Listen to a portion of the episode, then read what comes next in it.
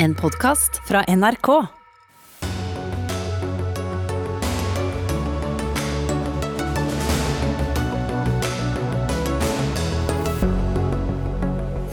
Avgjøres den amerikanske presidentvalgkampen nå? Vippestaten Nevada kan snart være ferdig talt opp, og dermed mulig å se hvem som blir verdens mektigste mann. Men uansett om det blir Joe Biden eller Donald Trump som går seirende ut av det hele, så kan det være alt annet enn lett å navigere i amerikansk politikk fremover. Det kan bli meget tett mellom de to partiene, både i Senatet og Representantenes hus. Bli hjemme. Ikke reis utenlands eller innenlands med mindre du må. Ingen skjenking på utesteder etter midnatt, og høye bøter til de som aktivt bedriver smittespredning. Nye koronatiltak i Norge varslet i dag. Og landets kulturminister, han skulle egentlig blitt næringsminister, men statsministeren, hun ville det annerledes. Avsløringer i ny bok fra Trine Skei Grande.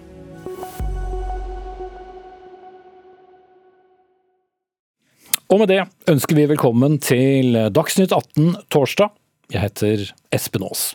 Hovedsak og hovedtema er selvsagt presidentvalgkampen i USA, som fortsatt ikke er avgjort, men kan bli det om svært kort tid. For alles øyne er rettet mot de statene som fortsatt ikke er ferdig med å telle opp, og særlig Nevada, hvor det ventes et resultat om kort tid. Et resultat som kan gi en av kandidatene akkurat det han trenger.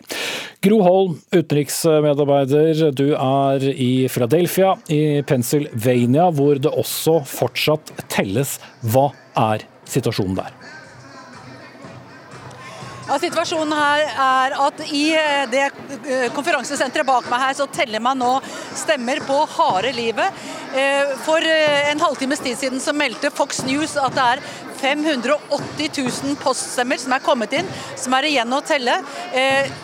Trump har et forsprang på 135 000 stemmer her, men vi vet at av de poststemmene som er talt opp til nå, så har Biden tatt eh, rundt 70% Og eh, av de som står igjen å telle, det er veldig mange fra Philadelphia og eh, områdene rundt, og fra den nest største byen her, Pittsburgh. Så det er ventet at Biden vil ta de fleste av disse poststemmene som er igjen, og da har vi en situasjon som nå kan tyde på at Biden kan komme til å vinne Pennsylvania. Men det er også slik at det kan komme inn nye poststemmer som er stemplet på 3.11., på valgdagen. Det kan komme inn helt til klokka fem i, i, morgen ettermiddag, men de vil sannsynligvis ikke endre på det resultatet som man får av de som allerede nå eh, ligger delvis her inne, delvis andre steder også som telles opp. Og så hører vi at det er mye bråk rundt her. Det er både Trump-tilhengere som har kommet hit, og, og, Black Lives Matter og folk som støtter Joe Biden. Og jeg må nok si at det er Bidens-siden som lager mest lyd akkurat nå. Sier foreløpig takk til deg, eh, Gro Holm. Vi skal gjennom studio her, og deg, eh, Tove Bjørgaas. Eh, det er altså telling for harde livet i, i flere stater. Hvis vi nå får et ferdig talt Nevada, kan det hele være avgjort? Ja, det er ikke så enkelt dette her, men det kan være avgjort da for Joe Biden. Eh, men så er det en liten catch som jeg skal si etterpå. Eh, det er altså bare 7000 stemmer som skiller de to i Nevada. Vi skal få vite nå kvart over seks tror vi eh, kanskje resultatet av mesteparten av de. Eh, der er det seks såkalte valgmannsstemmer. Og ifølge de tallene som vi følger, som er fra Associated Press, så vil da Biden ha nådd 270 som han trenger, dersom, eh, her, dersom Biden da skal vinne i Nevada. Men så er det flere av de andre amerikanske TV-selskapene, bl.a. CNN og også ABC News og NBC, som ikke har sagt ennå hvem som har vunnet delstaten Arizona. Eh, og Derfor så er det eh, litt eh, forskjellige tall som de forskjellige mediene opererer med nå.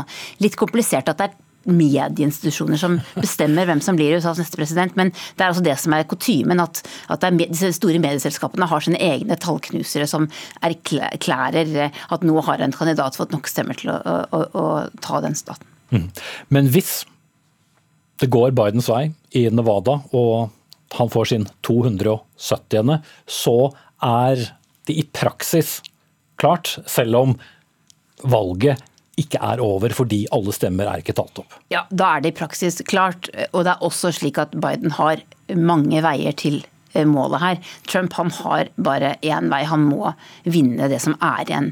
Bortsett fra akkurat lille Nevada, den er han ikke helt nødt til å ta, men han må vinne de andre delstatene eh, som ikke er avgjort ennå. Mm. Vi ser, eh, For de som følger sendingen på, på NRK1 eller på nrk.no, så ser vi nå et kart over, over opptellingen. og Her står jo da Biden oppført med 270 som i så fall er, er det han trenger uh, for uh, å få sitt uh, nødvendige flertall. og det er da i så fall den opptellingen som Associated Press holder seg til.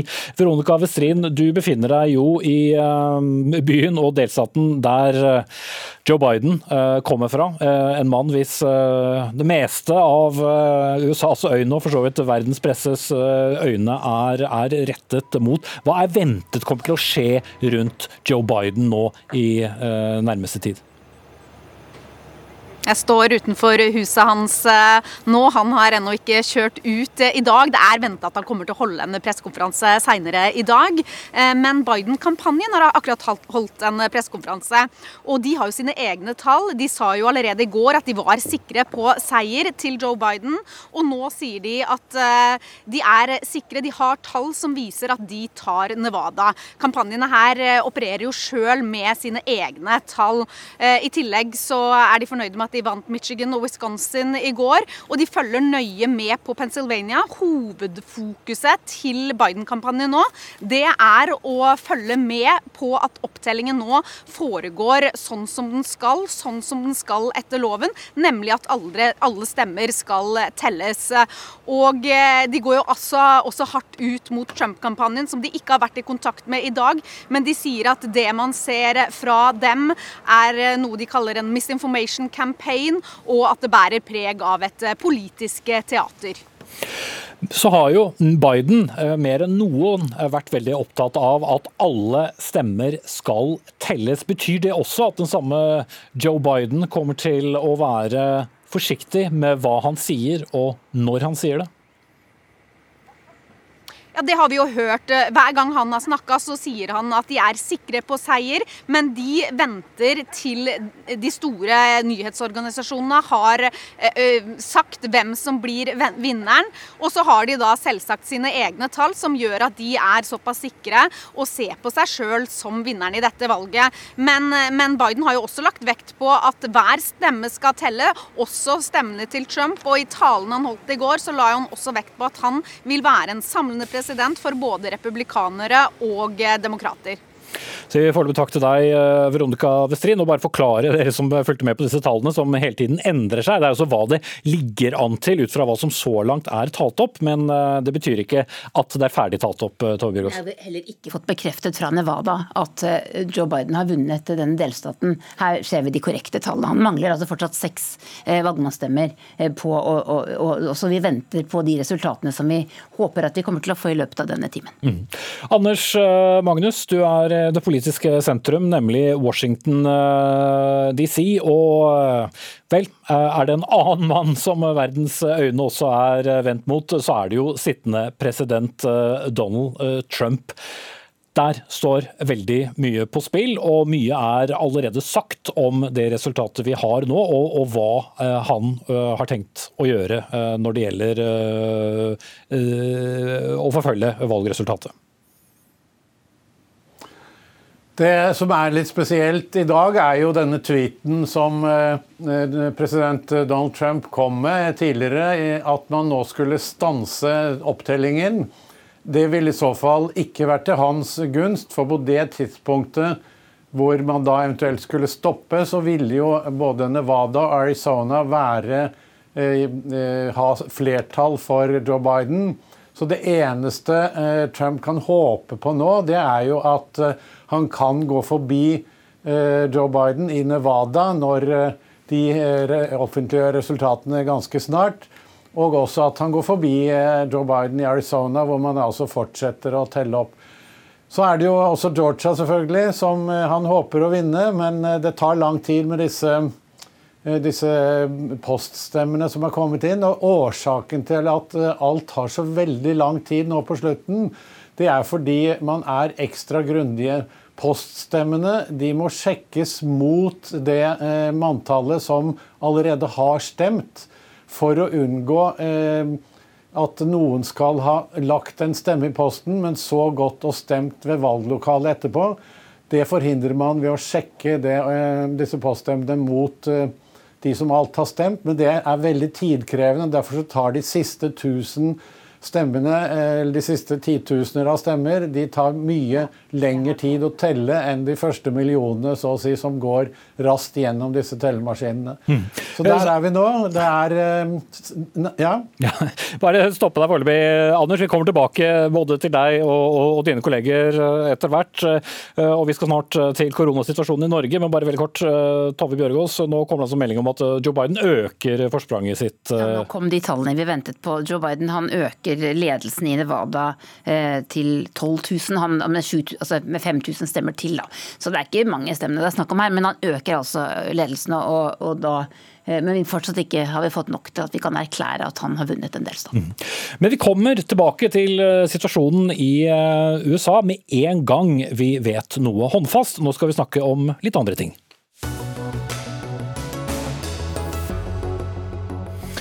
For eh, regjeringen den eh, ber oss nå om å være mest mulig hjemme.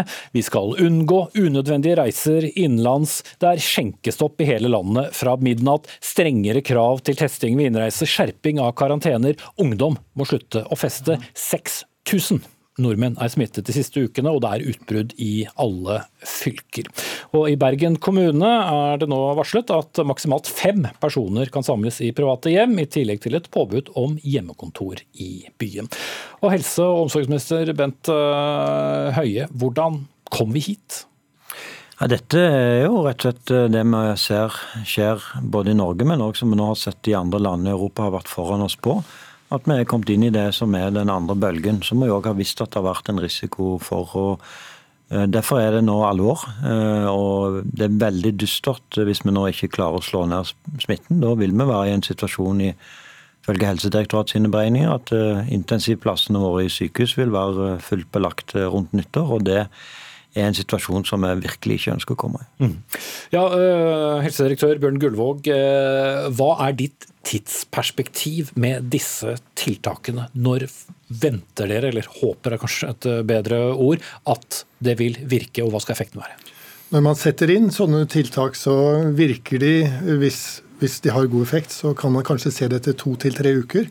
Så når vi begynner å nærme oss uh, desember, så vil vi kunne se om dette har vært uh, vellykket. Og så har vi jo allerede betydelige tiltak eh, som ble iverksatt også for en liten stund siden. Så vi regner med at dette kommer til å ha effekt. Men om vi kommer til å nå helt fram, det er jo avhengig av at vi alle tar et tak.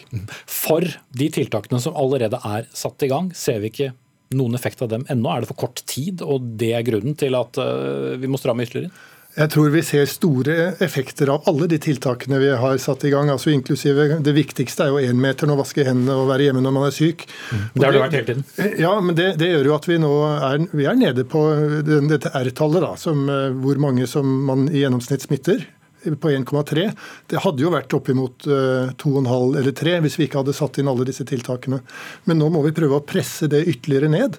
fordi hvis vi har et eh, R-tall på 1,3, så vil vi ha en 30% økning omtrent hver femte-sjette dag. Mm. Bent Høie, vil nå neste steg være en total nedstengning, slik vi har sett i Europa? Ja, vi jobber jo nå med å se på og forberede oss på neste steg. Da det finnes nok noen steg før det.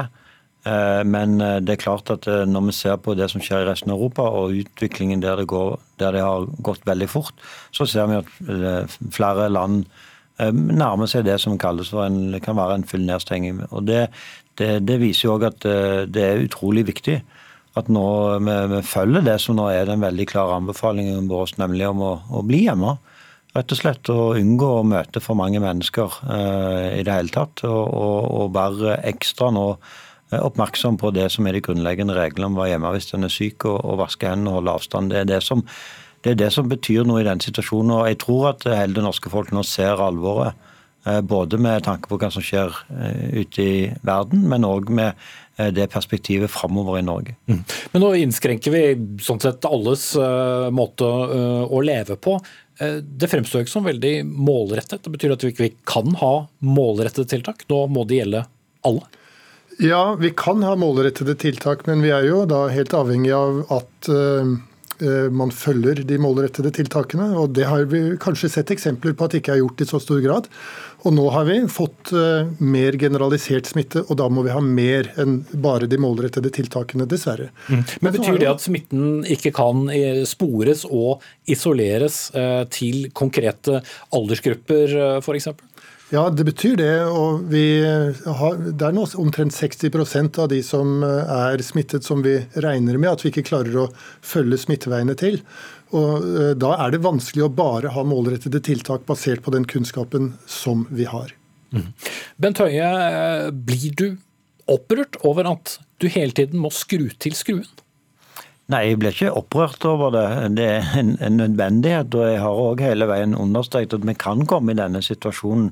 Eh, og jeg tror jo at vi alle sammen eh, er, er ganske slitne av dette og skulle ønske at vi var et annet sted. Men, men, men eh, vi må være forberedt på at så lenge vi ikke har en vaksine mot dette viruset, så vil det være perioder der vi må stramme til for å beholde kontrollen.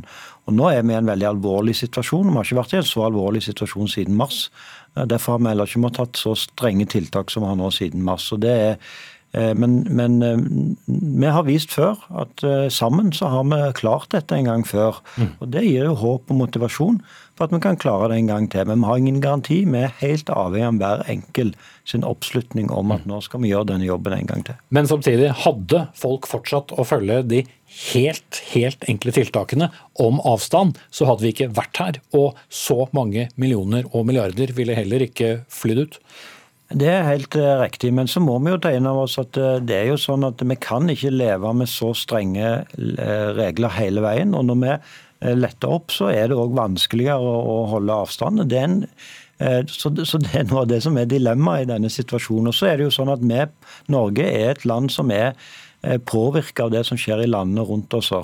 Det er vi helt avhengig av. fordi vi er et land der vi for er veldig avhengig av at vi får arbeidskraft også fra land utenfor Norge. Hvis det ikke stopper utrolig viktig norsk industri opp. Milliarder forsvinner til velferd. Eh, og Det betyr at når Europa opplevde den smitteutviklingen som de gjorde, så påvirker det òg etter en tid også. og Sånt er det i denne situasjonen. Mm. Det er jo storbyene som det er mest eh, prekært. og Blant annet skriver Oslo-politiet en pressemelding at de kommer til å gi bøter på opptil 20 000 kroner hvis de oppdager, oppdager brudd på karanteneregler eller driver det som de kaller for aktiv smittespredning. Altså man oppsøker steder hvor det er folk når man selv er, er eh, smittet. Har vi kommet dit at det er dette som må til? Det må nok til kraftigere kontroll og tilsyn enn det vi har hatt. Men jeg vil understreke at det er ikke det som må være hoveddrivkraften her. Det norske folk har eh, vist at de har klart å ta ned denne smitten en gang. Det er mulig å få det til på nytt, og vi vet hva vi skal gjøre. Så eh, la oss bare gripe sjansen, muligheten. Det vil gi oss en bedre jul, det vil gi oss en mye bedre vinter og eh, naturligvis en mye bedre situasjon for næringsliv, kulturliv, for eh, reiseliv og alt det vi setter pris på i samfunnet. Så vi kan få det til. Mm. Da sier vi takk til deg, helsedirektør Bjørn Gullvåg og helseminister Bent Høie. Vi skal eh, se mer til deg litt eh, senere i sendingen. Takk skal du ha.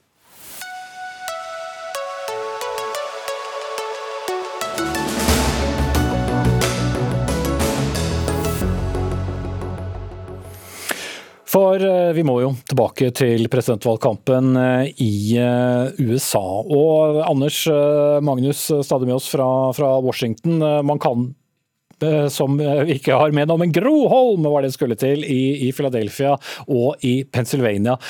Vi kan jo nesten høre sekundviseren slå mot det som til slutt skal være et, et endelig resultat. Hvor utmattende er hele denne situasjonen? På folk. Er det, jeg hører litt dårlig her. Det var, er, det jeg, er, det meg dere spør? Det er deg, eh, Gro Holm. Hvor utmattende er det at denne eh, ja, opptellingen ja, ja, trekker ut? Eh, det er selvfølgelig utrolig spennende, om ikke utmattende. Man rekker ikke å bli sliten av det her. Og bak meg her så står det jo velgere fra begge sider. Trump-tilhengere, Black Lives Matter, Biden-tilhengere. Det er et Det er ganske høyt lydnivå, det er liksom som et lite karneval. Men vi står jo da foran opptellingssenteret her i Pennsylvania, som er delstatshovedstaden i, eh, i Pennsylvania, altså i Philadelphia står jeg nå. Eh, og for ikke så veldig lenge siden så var det jo en liten eh, nærmest politisk demonstrasjon fra to sentrale Trump-tilhengere her, som hadde fått en rettskjennelse for at de kunne gå inn og observere opptellingen av stemmene på nærmere hold enn det de har fått lov til tidligere. Det er slik at det er en 580 000 stemmer igjen å telle i Pennsylvania. Eh, og vi vet jo at av poststemmene så har Biden til nå fått de aller fleste stemmene. Det er en avstand mellom Trump som leder og Biden eh, på rundt 135 000 stemmer for øyeblikket. Så hvis det er slik at eh, Biden også får flest av de poststemmene som er igjen, så har han altså en ganske god sjanse til å ta Pennsylvania. Men vi vet ikke før stemmene er talt, og det er neppe klart hva som blir resultatet før en gang i morgen kveld tidligst. Mm. Takk til deg, eh, Gro Holm, og alle de du har eh, til selskap eh, rundt deg. Veronica Westrin, stadig i Delaware og utenfor Joe Bidens hus. Biden-leiren skal også ha en, en pressekonferanse, en pressekonferanse som da åpenbart kommer til å finne sted før alle stemmer er talt opp. Hva er det ventet at han kommer til å si, eller de kommer til å si? Ja, altså Kampanjen hans har jo allerede nettopp hatt en eh, pressekonferanse. Og sjøl er det venta at Biden går på scenen her i Wilmington, eh, Delaware. Jeg regner med at han kommer til å ha samme budskap eh, som dem inntil de store medieorganisasjonene erklærer en vinner. Og deres budskap er at de er sikre på seier. De er fornøyd med at de har tatt Michigan og Wisconsin. De er sikre på Arizona, og de er sikre på at de kommer til å utropes som vinner av Nevada da. Det har de tall som viser. Ifølge de offisielle tallene så leder Biden eh, Nå håper jeg sa Nevada, men ifølge de offisielle tallene så leder Biden også i Nevada. Men vi venter jo fortsatt på de endelige tallene der. Men Biden-kampanjen de er altså helt sikre på at det er Joe Biden som er USAs neste president. Han kommer ikke sjøl til å si det før han erklæres rettmessig som den eh, vinneren av de store nyhetsorganisasjonene her. Men, eh, men de går går jo da hardt ut også mot eh, Trump-kampanjen og sier at de driver en kampanje for å spre misinformasjon, og eh, at eh, det de holder på med er et politisk teater. De er så sikre i sin sak fordi de stemmene vi venter på nå, er poststemmer og fra storbyområder der vi vet at flertallet av stemmene er demokratisk. Mm. Og da, eh, Anders Magnus, eh, har vi med oss deg fra, fra Washington DC. Hvis nå Nevada skulle slå fast eh, i løpet av, eh, av kort tid at uh, Joe Biden har fått sin nummer 270, hva er det grunn til å vente at kommer fra Trump-leiren? Det er veldig vanskelig å si. Det er jo mange som lurer på hvordan Trump kommer til å reagere hvis han taper dette valget her. Han har jo eh, som eh, ikke så vane å innrømme noe nederlag i det hele tatt. Det er andre som er tapere. Han er aldri taper. Han har eh, to eh, forskjellige modus. Det ene er å vinne, som han liker. Og det andre er at noen andre har jukset, og det er svindel. Og det er akkurat der han er nå. For eh, to minutter siden så tvitret han eh, 'stopp svindelen'. Og før det igjen så tvitret han at han, eh, de kom til å gå til retten eh, mot all denne eh, stemmesvindelen og alle, all, den svindelen som har foregått i de forskjellige delstatenes valgadministrasjoner. Og så skriver han videre at det er fullt av bevis, bare se på media. Så akkurat nå er altså mediene til å stole på, ellers er det jo folkets fiende. Problemet er jo, så langt jeg har sett i hvert fall, så er det ikke noen slike bevis for omfattende eh, juks eller eh, svindel med verken stemmer eller opptelling eller noen måte som eh, dette valget er gjennomført på. Tvert imot så ser det ut til at det er enda strengere kontroll og gjennomføring enn det var for fire år siden. Så vi lurer jo på hvor eh, Det virker jo som om Trump begynner å bli ganske desperat Og hva han da kan gjøre, det er det mange som er veldig bekymret for. Vi får se hvordan det går. Som vi har nevnt tidligere i sendingen, så øker altså Biden uh, i, i, Nevada, men det er altså ikke ferdig talt opp. Vi kommer tilbake til presidentvalget veldig snart igjen.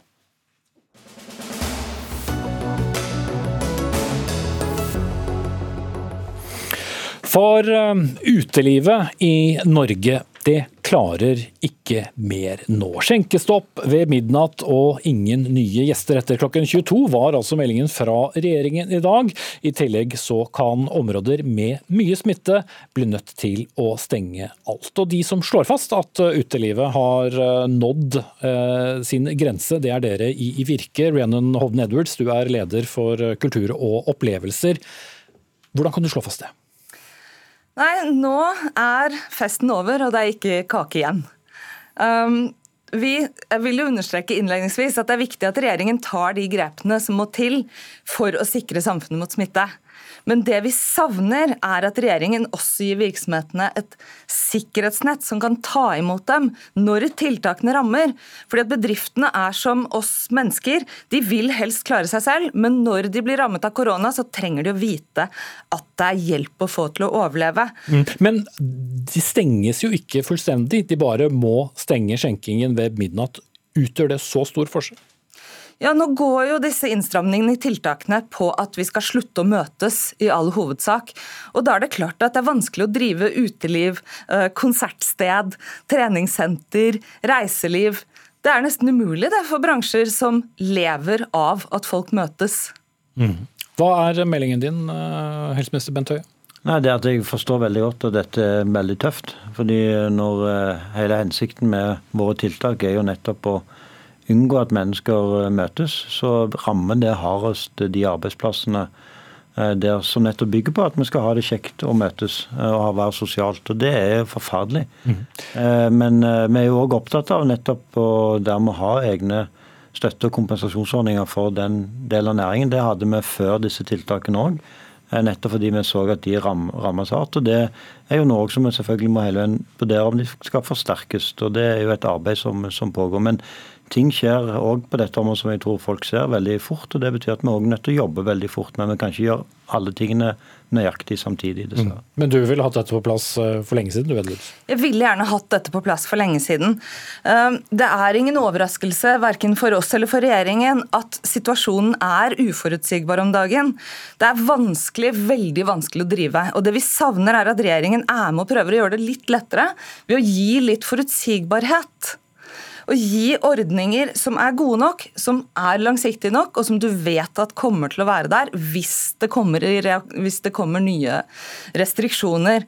Altså, Vi kan ligge litt i forkant istedenfor å komme halsende etter etter med tiltakene, det ønsker vi oss. Mm. Og Sist vi var i studio sammen, så ønsket du at ordningen skulle bli forlenget etter nyttår. Jeg vet ikke hvor mange timer det gikk før han ble det, men det gjorde han ganske raskt etterpå. Mm. Bare komme i Dagsnytt 18-studio, så, så ordner alt seg. Nå er vi i studio igjen, og jeg er helt sikker på at eh, min gode kollega Iselin Nybø jobber godt sammen med finansministeren med å finne gode løsninger eh, for å håndtere dette, som vi forstår mm. veldig greit. Ja, for Du er verken finansminister eller næringsminister, men veldig mye av det du bestemmer får jo konsekvenser for den jobben eh, de gjør.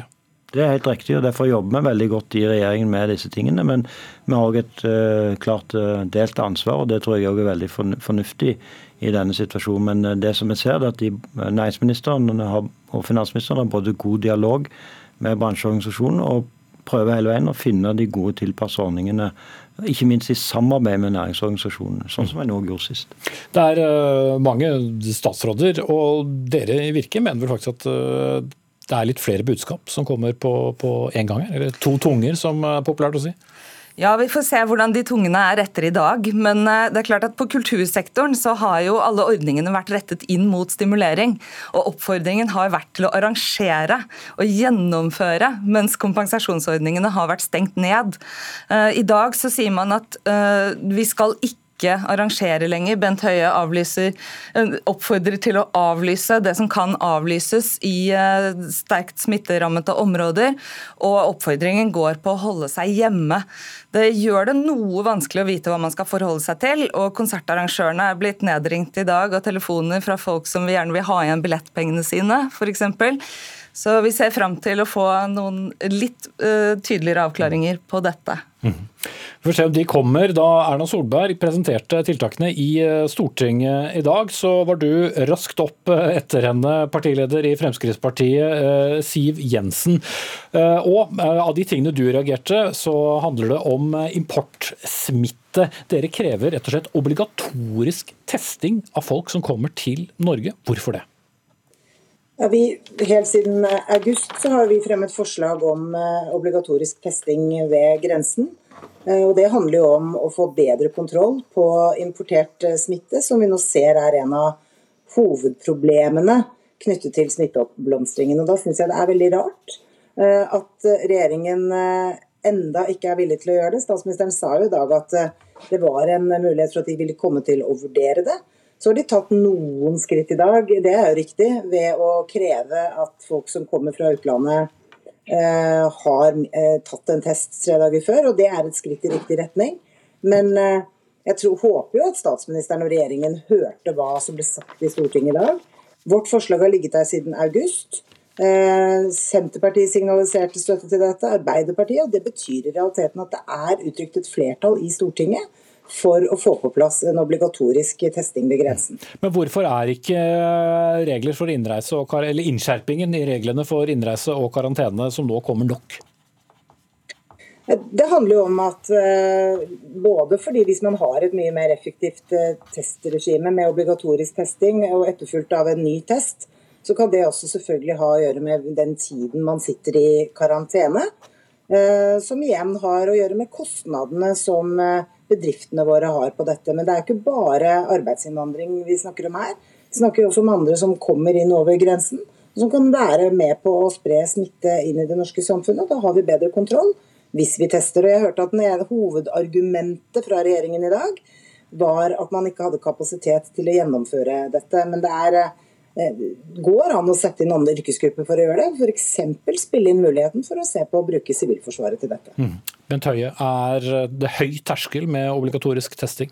Ja, og Årsaken er rett og slett at eh, den modellen som Siv Jensen her eh, beskriver, er prøvd ut live i et naboland, nemlig Island, som i tillegg er en øy, der en skulle tenke at en hadde ekstra god effekt av et sånt tiltak, fordi en har full kontroll med alle som kommer. og Erfaringen med den modellen er at eh, Island ikke bare inne i sin andre, de fikk ikke bare sin andre bølge, de er nå inne i sin tredje bølge knytta til importsmitte. Når det da er også sånn at dette krever innsats for de som i dag jobber iherdig med testing og sporing og isolering i kommunene, eh, så er vurderingen til nå med de testmetodene vi har i dag, at dette ikke er et uh, fornuftig tiltak. og Det er også heller også rådene som vi har fått fra folkehelsemyndighetene. Men det er klart at eh, f.eks. får vi kombinasjon av hurtigtester og spyttester og sånt, så kan det bildet endre seg. Eh, men det å tenke seg at en skal kunne teste seg ut av karantene på, på grensen for å spare næringslivet for, for penger, det har viser at det er ikke tilfellet. For det er en test ved grensen gir et situasjonsbilde, og da øker en betydelig risikoen for importsmitte, ikke minst med den situasjonen som vi nå har i Europa. Mm. En annen ting du også tok opp eh, fra, fra talerstolen i dag, eh, Siv Jensen, var også bekymringen for de som er alene fra før eh, med nye tiltak. Hva er du redd for?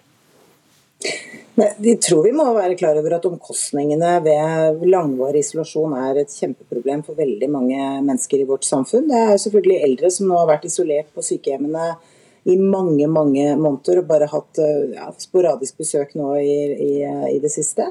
Eh, det er jo sånn at man eh, i gjennomsnitt så bor man to år på sykehjem før man dessverre antagelig dør. Eh, det betyr jo at av de to årene så har nå veldig mange opplevd å bo ett år snart i isolasjon. Vi ser fremvekst av eh, psykiske lidelser.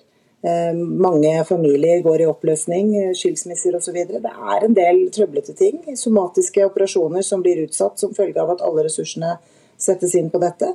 Det er jo ting vi er nødt til å snakke mye mer om. Mm. Men jeg var, også, jeg var jo også i dag veldig opptatt av den debatten dere hadde rett før eh, jeg kom inn i dette. Nemlig hvordan kompensasjonsordningene for et hardt prøvet næringsliv er Men jeg kan ikke restarte den nå, Siv Jensen, for jeg vil holde meg til nettopp det med, med det å være alene. For Tone Sofie Aglen, kommentator i VG, du skrev i helgen du, eller rett før en kommentar som het ensomhetens år, hvor du skriver nettopp om isolasjon. Ikke bare på sykehjem, men i det vanlige samfunn, og det å være alene i, i pandemien. Og, og forsøkte å sette ord på det. Nå blir det mer isolasjon. Hva frykter du det kan eh, ha påvirkning på folk? Jeg tror vi først og fremst må erkjenne at det har en kostnad, både for folk syke, men også for eh, helsa til folk. Og virus og smittevern det er veldig konkret, og det er veldig lett at det blir veldig altoverskyggende. Mens ensomhet det er liksom noe som er ganske vanskelig å snakke om. Jeg tror få oss har lyst til å få den eh, merkelappen i panna, men like fullt så er det et betydelig folkehelseproblem som folk faktisk blir syke av. Og jeg tror det gjør noe med mange når vi stenger ned de eh, fysiske møteplassene som holder folk oppe i dagen, sier at folk skal eh, være hjemme. Og vi så i vår eh, at det, det, skjedde en del ting som ikke er bra. Man eh, psykisk utviklingshemma fikk besøksforbud. Siv Jensen snakka om eldre ensomme på sykehjem, helsesykepleiere som ble, om, som ble satt til å gjøre andre oppgaver, at unge ikke fikk den hjelpa de skulle ha. og Jeg tror det er særdeles viktig at vi reflekterer over hva det her faktisk gjør med samfunnet vårt, og ikke minst for en del særlig utsatte grupper. Mm. Eh, så skrev du også om, om eh, ordet, eller ordene sosial boble. I tillegg så vet vi nå begrensning på aleneboende, hvor mange de skal ha eh, kontakt med. Hva var det du mislikte med, med ordet sosial boble? Jeg hørte statsminister Erna Solberg brukte det uttrykket at vi skulle lage oss en sosial boble og være der. og For meg så var det et, et veldig sånn ekskluderende ord som jeg ikke likte så veldig godt. Jeg fikk litt sånn assosiasjoner til gymtimen hvor man skulle velge seg lag. Og jeg merker meg nå at nå snakker regjeringa om at vi skal eh, holde oss mest mulig hjemme og være sammen med færrest mulig folk. Og jeg syns at det er en bedre måte å kommunisere på enn å begynne å snakke om sosiale bobler. Mm. Ja, vi skal runde oss straks. Eh, Bent Høie.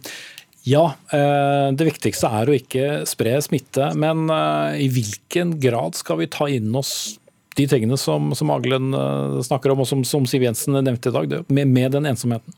I veldig stor grad, for dette er alvorlige spørsmål. Jeg har jo løftet opp ensomhet som et folkehelseproblem og flere ganger sagt at ensomhet er farlig, like farlig som å røyke 15 sigaretter om dagen. Det er et reelt helseproblem, det er, og det er et stort og økende problem. Og det er selvfølgelig enda mer alvorlig i den situasjonen som vi er i nå. Og Derfor er vi opptatt av både å eh, mobilisere alle til den delen av dugnaden. Nemlig å tenke på er det noen en kjenner som kanskje er ensom, som en eh, kan ta en telefon til, eller invitere inn i den gruppen som en eventuelt har med seg hjem. og Det oppfordrer også Kjell Ingolf Ropstad til i den samme pressekonferansen der dette ble presentert. Eh, men det andre er òg å legge til rette for Eh, besøk og kontakt til de som er på eldreinstitusjonene. Men så er det jo sånn, det grunnleggende er jo rett og slett at det gode smittevernet er òg det beste for å unngå dette.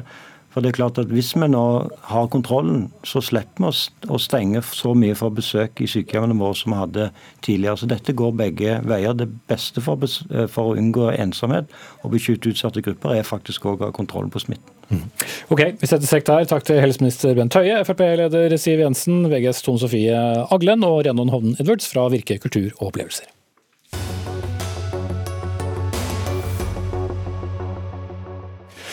For eh, tro det eller ei der hjemme, vi skal tilbake til USA, der det altså stemmes eh, for eh, harde livet ikke bare i én, to, tre, men fem delstater hvor utfallet fortsatt er eh, uavklart. Som vi snakket om tidligere i sendingen, har Biden altså øket, økt sin ledelse i delstaten Nevada, hvor han nå har 49,5% av stemmene, mot Trumps 48,5.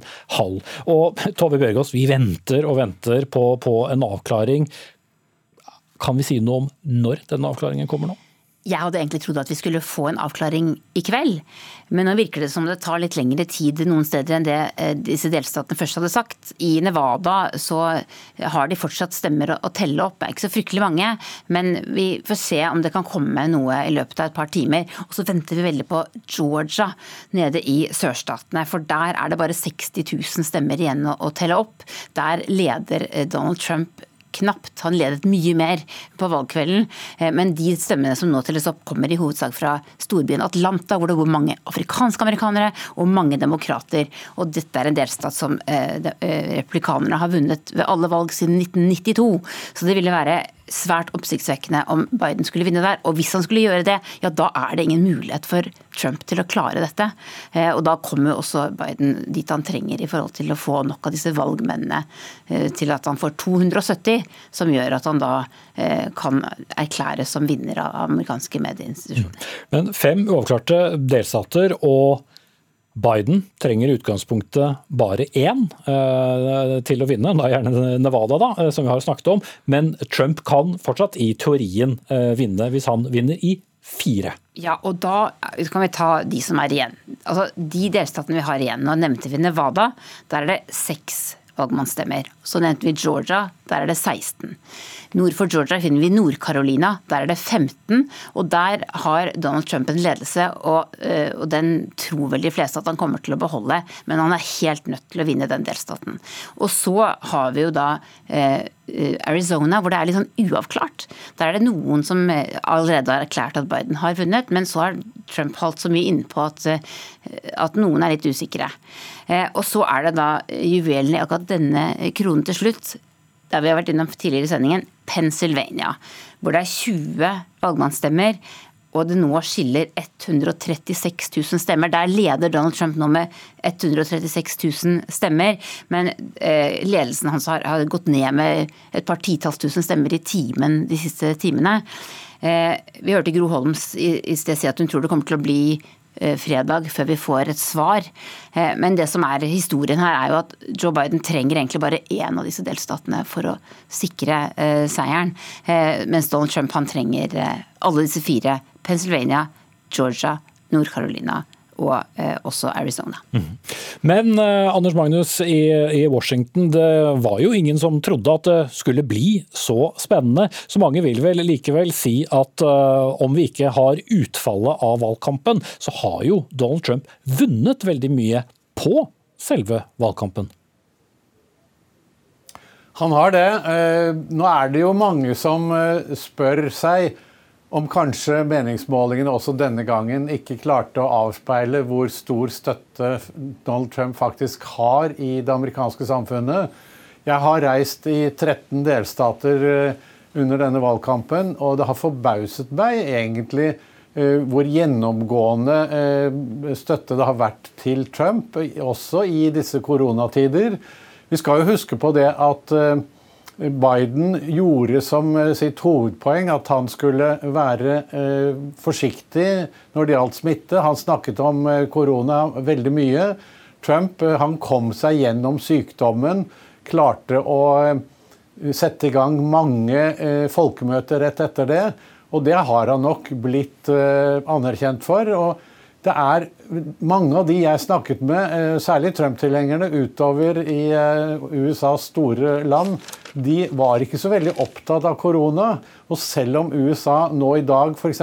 setter smitterekord på over, eller i går, på over 100 000, og det er fortsatt over 1000, over 1200 døde i går, så er, eh, er det så mange her som ikke betrakter denne sykdommen og som eh, avgjørende for deres liv, men de er tvert imot mer bekymret for økonomien og for eh, alle andre ting som nedstenginger følger med seg. Og Det er jo litt apropos den debatten dere hadde i Dagsnytt 18 at, tidligere i dag, at selve nedstengingen av samfunnet kan også ha veldig sterke negative konsekvenser. Og det, der har nok Donald Trump funnet en resonansbunn i eh, samfunnet her. Mm. Og mens det altså telles på høyger i eh, disse uh, vippestatene eller, eller, delstatene, så er det også knyttet en viss spenning til hvordan den neste presidenten skal kunne navigere politisk. For det er jo ikke sånn at en president bestemmer alt. Og slik det ligger an nå, eh, så kan eh, republikanerne trolig få flertall i Senatet, mens demokratene eh, har flertall i Kongressen. Og Eirik Løkke, du er rådgiver i den liberale tankesmien Civita. Hvis det nå blir Joe Biden og tar plass som USAs neste president, hva blir hans største utfordring? Utfordringen blir å få gjennom politikken som man ønsker å få gjennom. Og særlig hvis det da blir et flertall for eh, republikanerne i Senatet. Nå er det noe usikker på om det blir eh, nyvalg i Georgia, for ingen får over 50% Det vet vi ikke helt ennå. Hvis det skjer, så blir det fortsatt veldig spennende i, i januar. Og eh, får demokratene maks ut av det, så kan de faktisk få flertall ved at eh, visepresident eh, Harris er den som får eh, det avgjørende stemmen i 50-50. Det er mest sannsynlig likevel at republikanerne Eh, får flertallet. Og da skal jo Biden på en eller annen måte få én eller flere eh, republikanske senatorer med når han skal få gjennom politikken. Samtidig så skal han jo også navigere med den mer radikale grupperingen i Demokratene, som ofte blir referert til som The Squad. Altså Du har eh, Alexandria Ocasio-Cortez, du har Bernie Sanders-delen, som har store forhåpninger hvis nå Biden blir valgt til å få gjennom Green New Deal, massevis av velferdsøkninger. Så han skal navigere med noen moderate republikanere og radikale radikale demokrater, det kan bli vanskelig. Mm. Ja, for alt handler jo ikke om hvilket eh, parti som eh, nødvendigvis har flertall. Som vi har snakket om mange ganger, så er det plass til veldig mye både innad i det republikanske partiet, men også eh, i demokratene. Og de, de interne spenningene kan jo bli svært store. Ikke minst f.eks. Bernie Sanders og hans støttespillere, som må klare å komme til enighet med, med, med Joe Biden. Og det ligger jo ganske langt unna hverandre politisk. Ja da, eh, og jeg mener partiene i USA er jo store koalisjoner. Du kan jo si at Det demokratiske partiet spenner jo større enn hele det politiske spekteret i eh, Norge. Nå har USA de siste årene blitt mer og mer polarisert, slik at eh, stemmegivningen har sortert seg mer langs partilinjene. Men like fullt er det som du sier. Ocasio Cortez, Bernie Sanders ville jo tilhørt helt andre forskjellige partier hvis de hadde vært i Europa. Og skal man komme til enighet her, så må det være mye gi og ta kompromisser. Og samtidig, hvis det da blir et flertall fra republikanerne i Senatet, så blir det vanskelig å gjennomføre politikk i eh, Kongressen. Eh, så det er klart han får en stor utfordring. Mm. Vårin eh, Alme, kommentator i amerikansk politikk.no, du er med oss på, på, linje. Det er jo lett å glemme nettopp disse interne spenningene, men hvis vi spoler tiden litt tilbake til da det var demokratisk president sist gang, nemlig Barack Obama, så var det jo ikke så lett for han å få satt sitt stempel på politikken heller. Vil slik sett en Joe Biden uh, få det tøffere enn en Donald Trump? Ja, nei, altså Hele Obama-perioden var jo preget av sterk da, splittelse uh, og, og, veldig mye stillstand, særlig etter hvert uh, i hans periode. Um, men så skal vi huske på at Joe Biden er en helt annen type politiker uh, enn både Obama, men, men, også enn veldig mange andre i partiet, og mange andre som også har kommet til makten nå nylig. Han er en politiker av den gamle skolen som er opptatt av um, altså Han er løsningsorientert, og, og han er opptatt av å skille mellom dette her med å kompromittere på på sak, eh, skille mellom sak og prinsipper, eh, som ofte da blir sett på som én og samme ting hos mange av disse nye som har kommet inn. ikke sant? Um, det har ikke vært veldig populært, det er ikke i vinden eh, å skille mellom de to tingene, men, men, akkurat det er viktig for Joe Biden. og Jeg vil jo si at hans hovedoppgave, det han har gått til valg på, ikke sant? det er å gjenopprette nasjonens sjel, og med det mener han jo altså å, å komme tilbake igjen til et politisk klima der man kan stole på at Eh, hver og en har gode intensjoner, eh, og så ha det som premiss når man så skal finne da, politiske løsninger. Mm. Men så er det jo ikke bare presidentvalget hvert fjerde år, vi har også et mellomvalg da i, i 2022. Hvor viktig blir det, Alme? Ja, Det blir viktig, fordi at eh, så langt så har jo demokratene beholdt sitt flertall i huset. Eh, men hvis vi skal snakke om en slags naturlov eh, gjennom amerikansk historie, så er det ofte sånn at den sittende presidenten eh, får da et dårlig valg i, i neste mellomvalg. Da. Så, så, sånn sett, hvis, det, hvis, den trenden følges nå også, så kan, da, så kan man da risikere at man får en helt rød kongress der både Senatet og Huset har republikansk flertall. Mm. Men det vet vi selvfølgelig ikke. Nei, og Vi vet fortsatt ikke hvem som vinner presidentvalget. Vi håper å kunne oppdatere dere der hjemme på det så fort vi får nyheter inn til oss. Takk til Eirik Løkke fra Civita og Vårin Alme fra amerikanskpolitikk.no.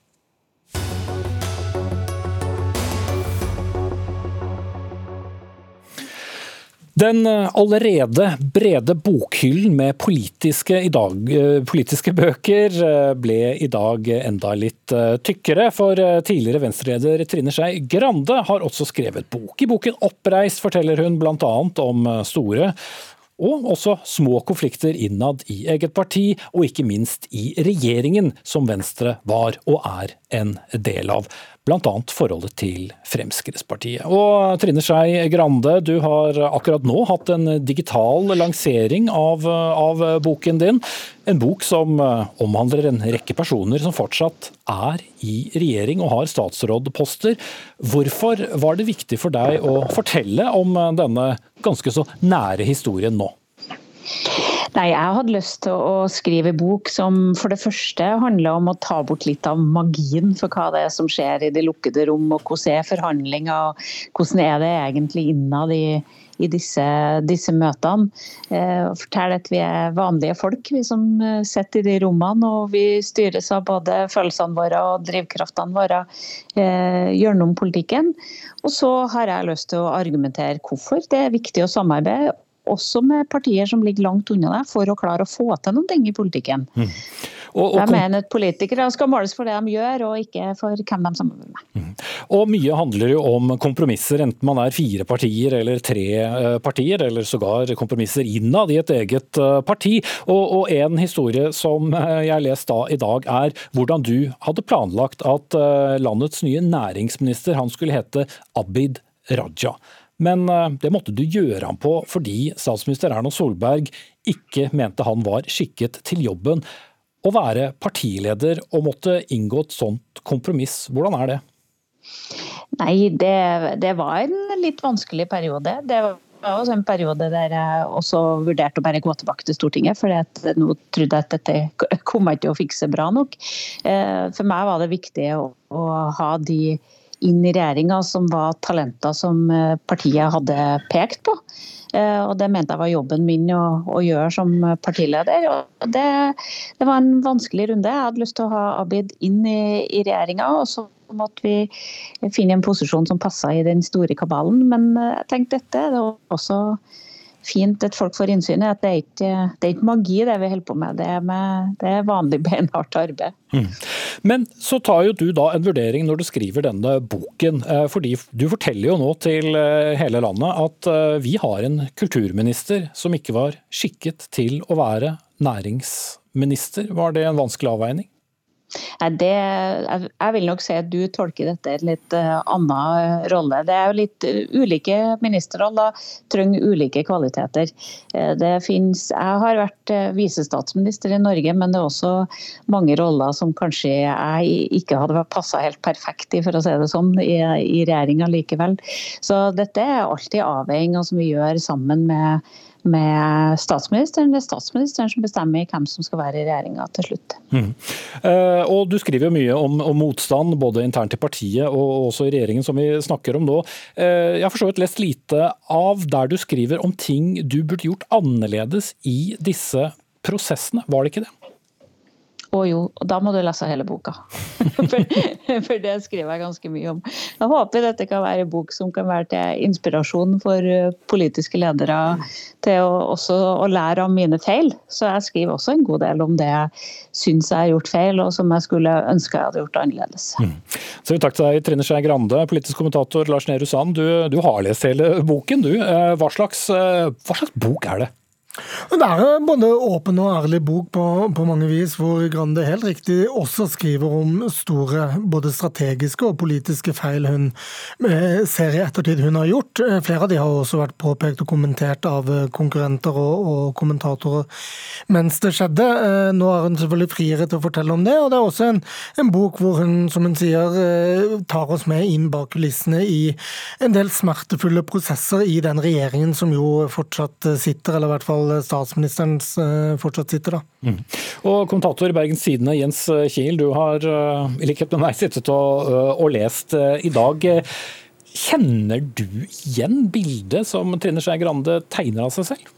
Ja, det gjør jeg definitivt. Jeg får si, Nå har jeg lest hele boka minus de siste ti sidene, så hvis det skjer noe annet der, så kanskje alt rives ned. Men i utgangspunktet så er det en bok hvor du får følge en politiker hvor en del eh, viktige spørsmål blir reist allerede i, i, barndommen. altså Engasjementet for skole, for kultur, for miljøvern, eh, for eh, og organisasjonsliv, og ikke minst for likestilling. Eh, jeg kan tenke meg omtrent akkurat hva Trine Skei Grande mener om at vi nå er tre menn som diskuterer boka hennes. Og, og de følger henne hele veien. Og så er det en bok med, om alle hennes egne feil og mangler. Om, hun skriver jo rett ut at, sant, om hvor selvskadende Venstre kan være. Om at Venstres partileder ikke alltid er et positivt bidrag i valgkamp. Og så er det en ganske eh, morsom og velskreven bok, vil jeg si. Altså En bok som eh, jeg syns viser fram Trine Skei Grande egentlig ja, på godt og vondt. Det mm. er eh, Jeg vil si en ting at, at hun spør eh, på et tidspunkt om det mediekjøret vi har i dag, egentlig gir oss de politikerne som vi har lyst til å ha. Altså de, eller om vi bare får de som er villige til å tåle absolutt alt. Og Det synes jeg er et interessant og godt spørsmål som hun stiller der. Mm. Og, og, Lars Nehru Sand, eh, Trine Skei Grande har gjort mange ting som ikke Venstre-ledere har eh, turt eh, eller valgt å gjøre før henne. Men hvis vi skal oppsummere det hun ikke har vært fornøyd med, det hun var eh, fornøyd med, kommer hun selv ut på plussiden i, i sin fortelling av historien? Altså, er, er, hun, er hun tilfreds? Ja, Det er hun jo fordi hun mener hun har vært verdt det, og hun mener hun har oppnådd politiske resultater. og Hun skriver jo også at hun mener å være blant de mer pragmatiske i Venstre, kanskje spesielt da i forhold til det knekkpunktet det var å gå inn i regjering med Frp, hvor hun mener at andre har et altfor si, hellig syn på, på, hvordan man skal samarbeide og hvor ren og rank man skal være. Men hun, hun mener at de politiske gjennomslagene får man ved å, å kjempe for dem, og, og, kanskje også da gjøre ting som, som ikke er ens eget primærstandpunkt eller hovedsyn. og Det gjør jo at hun sånn sett kommer greit ut av det. Men hun, eh, de tingene hun jo refser både seg selv og partiet for, handler jo litt om dette med lekkasjekultur og den interne partikulturen. Det handler litt om eh, hvordan eh, perioden med samarbeidsavtale var, hvor hun kanskje ble altfor klagete på regjeringen og ikke klarte å prioritere Venstres satsinger godt nok. Mm. Vi har i hvert fall nok en gang lært mer om at det er mange brytninger innad i et uh, lite parti. Takk skal dere ha, alle tre. Jens Kiel, kommentator Bergens Tidende, Lars Nehru Sand, eh, politisk kommentator her i NRK, og Trine Skei Grande, forfatteren sjøl.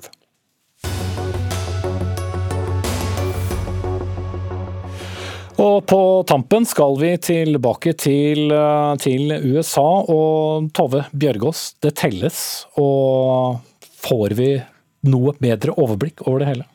Vi håper at vi i løpet av kvelden kan få klarhet i om to delstater blir eh, avgjort. Eh, da snakker vi om delstatene Nevada og Georgia, som nå sier at de skal kunne legge frem resultater i løpet av kvelden.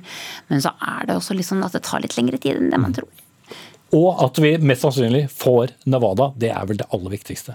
Ja, det, det jo, Hvis vi hadde fått den delstaten, så, så, er det faktisk slik at uh, Joe Biden har nådd de 270 valgmannsstemmene han trenger for å bli president. Det som er eh, interessant da, det er jo at eh, det som vanligvis skjer når noen er blitt erklært som president, er at den som har tapt, ringer og sier 'gratulerer med seieren'. Men det er vel ingen som venter at Donald Trump kommer til å gjøre det i det øyeblikk eh, Joe Biden når disse 270. Mm. Og Veronica Westrin i Delaware utenfor Joe Bidens eh, hus, vet vi nå noe mer om eh, når vi får høre noe fra mannen selv? Han sitter vel og venter eh, like mye som oss på alle disse tallene. Eh, vi vet at han er forventa å holde en tale i dag. I motsetning til Trump eh, så har jo han vært ute og snakka også i går til det amerikanske folk. Biden-kampanjen har fokus på at tellinga må fortsette, og de er sikre på at det blir seier til Biden de er jo sikre. De har egne tall som viser at Biden vinner Nevada. Det er ikke blitt erklært seier av de store organisasjonene, nyhetsorganisasjonene, men de føler seg altså sikre på det. Og de sier også at Joe Biden vil være USAs neste president, og en president valgt med flere stemmer enn noen tidligere amerikanske president. Mm, da får vi bare slå oss, eh, eller eh, være så tålmodige vi bare kan, eh, og se når vi får et resultat. Takk til Veronica Westrin. Dagsnytt 18 er ved veis ende. Line Forsmo og Anne Katrine Føhli var ansvarlig for den. Frode Thorshaug tok seg av det tekniske. Jeg heter Espen Aas, og hvis ikke du har fått gnagsår av amerikansk valgkamp, hele kvelden på NRK1 kommer til å handle om det også. Takk for nå.